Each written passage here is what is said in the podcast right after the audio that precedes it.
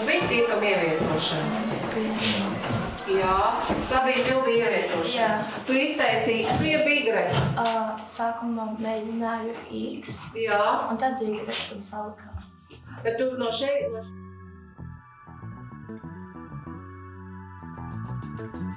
Čau, esmu Laura. Esmu Una. Un es esmu Sintīja. Meitenes, pastāstiet, kādas ir jūsu attiecības ar mammu? Nu, es gribētu teikt, ka man ir tuvas attiecības ar mammu. Tomēr nav arī tā, ka nu, es viņai pilnībā visu stāstu. Es negribu tomēr, lai viņa nemierīgi guļ naktīs. Nu, atšķirībā no Sintīs, man ir tā, ka es stāstu mammai visu. Tā ir mana vistuvākā draudzene, un viņa visus manus noslēpumus zina. A, tu savu mammu uzskati kā savu labāko draugu? Jā, noteikti jā. Nu, man patīk ar viņu parunāties par visādām aizliegtām lietām, ar ko parasti pusauģi nerunājās. Es nezinu. Es it kā varu teikt mammai pilnībā visu, kas arī ir tādas, zin kā, tādas slepenas un nopietnas tēmas. Tomēr man dažkārt šķiet, ka varbūt tādas lietas vajadzētu apspriest ar savām draudzenēm. Es, protams, nu, kā, ja man vajag iet pie mammas un teikt, es viņai teikšu, protams, nu, tur nav nekādu problēmu. Tomēr mm -hmm. es nezinu, tie kaut kādi negluži aizspriedumi vai stereotipi, ka mamma nevis tevi, nu, zin, tur sāks rāt vai kaut kā tam līdzīga. Nu, tā īsti nav. Bet, uh, Es tomēr mm gribu, lai viņi mierīgi naktīs guļ. Laura, kā tev ir? Kādas ir tavas attiecības ar tavu mammu? Nu, es varētu pateikt, to, ka mans attiecības ar mammu ir salīdzinoši tuvas. Es arī viņai pastāstu dažādas noslēpumus, bet tomēr ne visus, jo es negribu, lai viņai būtu sirdstrieka. Es uztraucos par viņu veselību. Jūs esat meitenes kādreiz vispār uh, strādājuši kopā ar mammu, tā kā darba vietā? Es esmu strādājis vienā darba vietā ar māmu, taču nevienā nodaļā, jo viņa man ir pavāra. Es biju oficiants, es biju kaut kur apkārt vienmēr viņai, bet ne ar viņu vienā, tā teikt, istabā. Un kā tu, Sintīna? Es esmu strādājusi ar māmu. Man bija kādi 15 gadi, kad mēs strādājām kopā. Viņa man deva tādu negluži pietānu. Tas nebija mans pirmais darbs, bet es drīzāk teiktu, kaut kāds otrais vai trešais. Bet nu, man bija 15 gadi. Nu, protams, nu, varbūt daži citi cilvēki uztver ļoti nopietnu darbu tajā vecumā. Bet uh, es ar māmu vispār nevarēju sastrādāties, un manā māma mani atlaida. Laura, kā tev ir? Tu, esi, tu iedomājies sevi strādāt kopā ar māmu? Es biju domājis par to, bet nu, man šķiet, ka kā, tas darbs neiet tik labi. Jo mēs abi esam tādi cilvēki, kuri kā, nu, nevar ilgu laiku būt ar kādu kopā. Vienā kopā, vienā telpā. Jā, jā mm mums vajag to kā, kādu laiciņu būt. Jūs abas divas esat vienpatas. Jā, jā. jā. jā. Nu, skaidrs.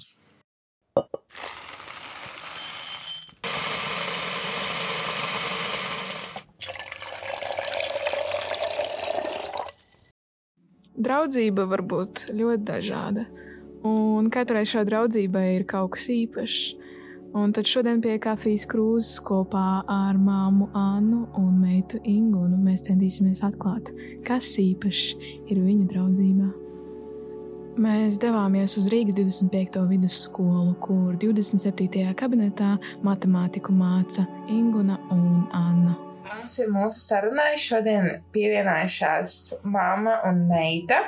Ingūna un Anna strādā par matemātikas skolotājām Rīgas 25. vidusskolā, kur atrodas Čengragā.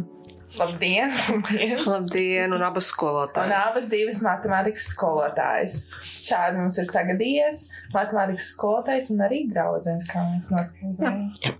Jā. Darba ikdienā viņas cenšas izpalīdzēt vienu otrai kaut ko ieteikt, kā arī Anna mums pastāstījusi to, ka viņa ik pa laikam palīdz Ingunai labot skolēnu uzrakstītos kontroldarbus.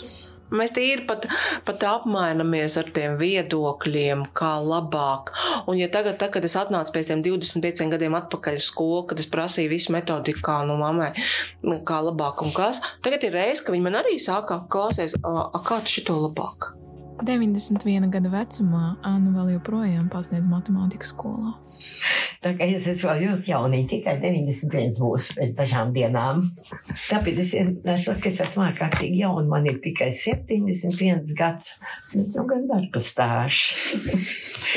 Tas tā. Mm -hmm. Sarunā mēs uzzinājām, ka Anna joprojām ir saglabājusi draudzību ar vienu no saviem bijušajiem skolēniem. Valmērā bija, starp citu, māmas bijušā skolnieka, kuram nu jau ir 70 gadi.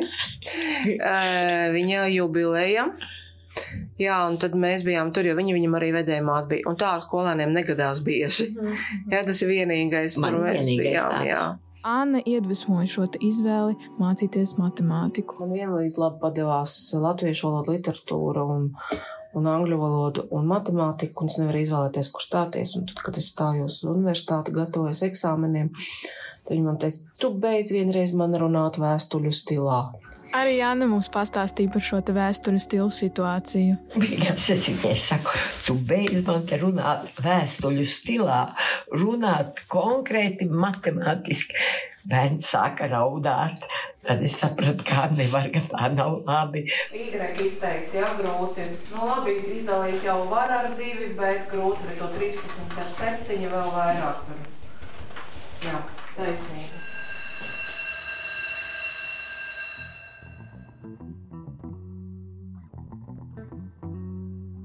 Skolas laikos Anna bija palīdzējusi Ingunai apgūt matemātikas zināšanas, kā arī palīdzēja viņai ar iestāju eksāmeniem universitātē. Mājās viņas par darba lietām nerunā. Viņām ir daudz kopīgas citas intereses. Piemēram, viena no tām ir mūzikas klausīšanās. Uh, jā, ir šeit, kur līgo priežmeži. Jā,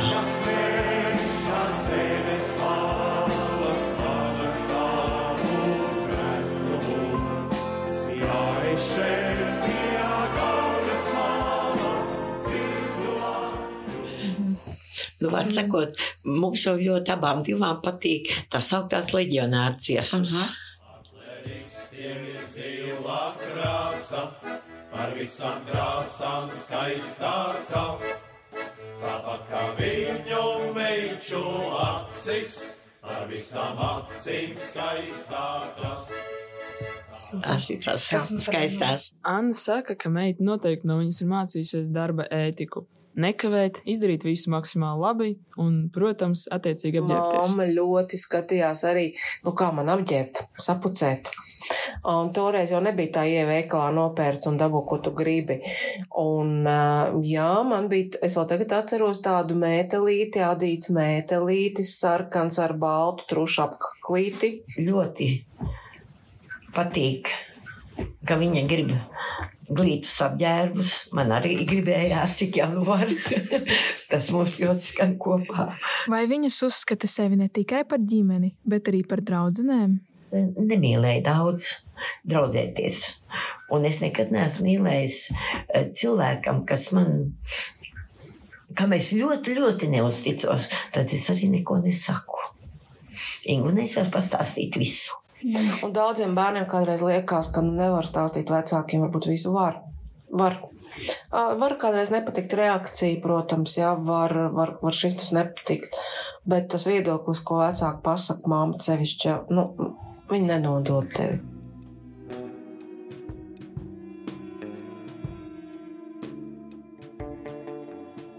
Mēs sarunu uzaicinājām psiholoģiju un psihoterapeiti Sandru Mihailo, kur mums vairāk pastāstīja par mātes un meitas savstarpējām attiecībām.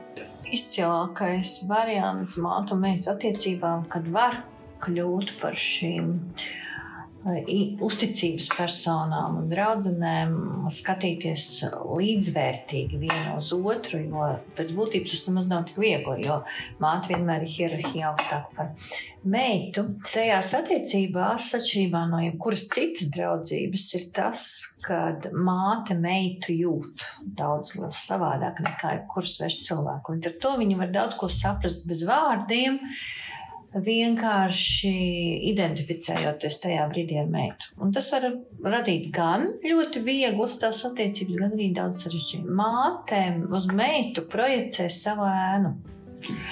Un, uh, un meita, paņemot to mātes projekciju, sāk izpausties caur to ēnu un sadzīvot ar savu ēnu. Nav tik vienkārši. Un Līdz ar to, ja māte to saprot, ja viņa saprot, ka meitā ir tā viņas daļa, ko viņa ciest nevar sevi, tad viņa redz, ar ko strādāt. Un mainoties mātei, mainīsies arī meita. Manuprāt, šī bija unikāla iespēja uzzināt kaut ko jaunu par savstarpēju draudzību ģimenē, par cilvēku kopīgu darba vietu jau ilgus gadus un vispār par cilvēku kopīgām interesēm. Es īstenībā nekad nebiju dzirdējusi tādu gadījumu, kad māte un meita varētu tik ilgi un arī tik ļoti labi sastrādāties kopā. Jā. Jo man pašai noteikti tā nekad nav bijis. Jā, tas, tas tiešām ir īpašs, un šis, šī draudzība ir skaista.